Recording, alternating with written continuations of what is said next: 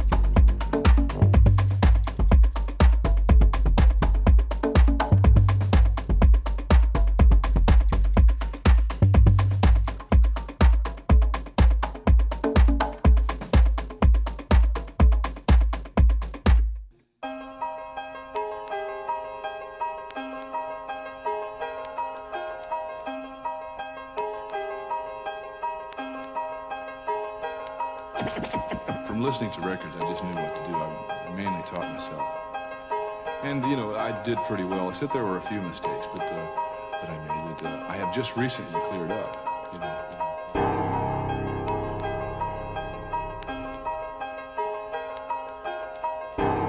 I'd like to just continue to be able to express myself as best as I can the instrument. And I feel like I have a lot of work to do still. You know, I'm a student. And I'm also a teacher of the drums, too.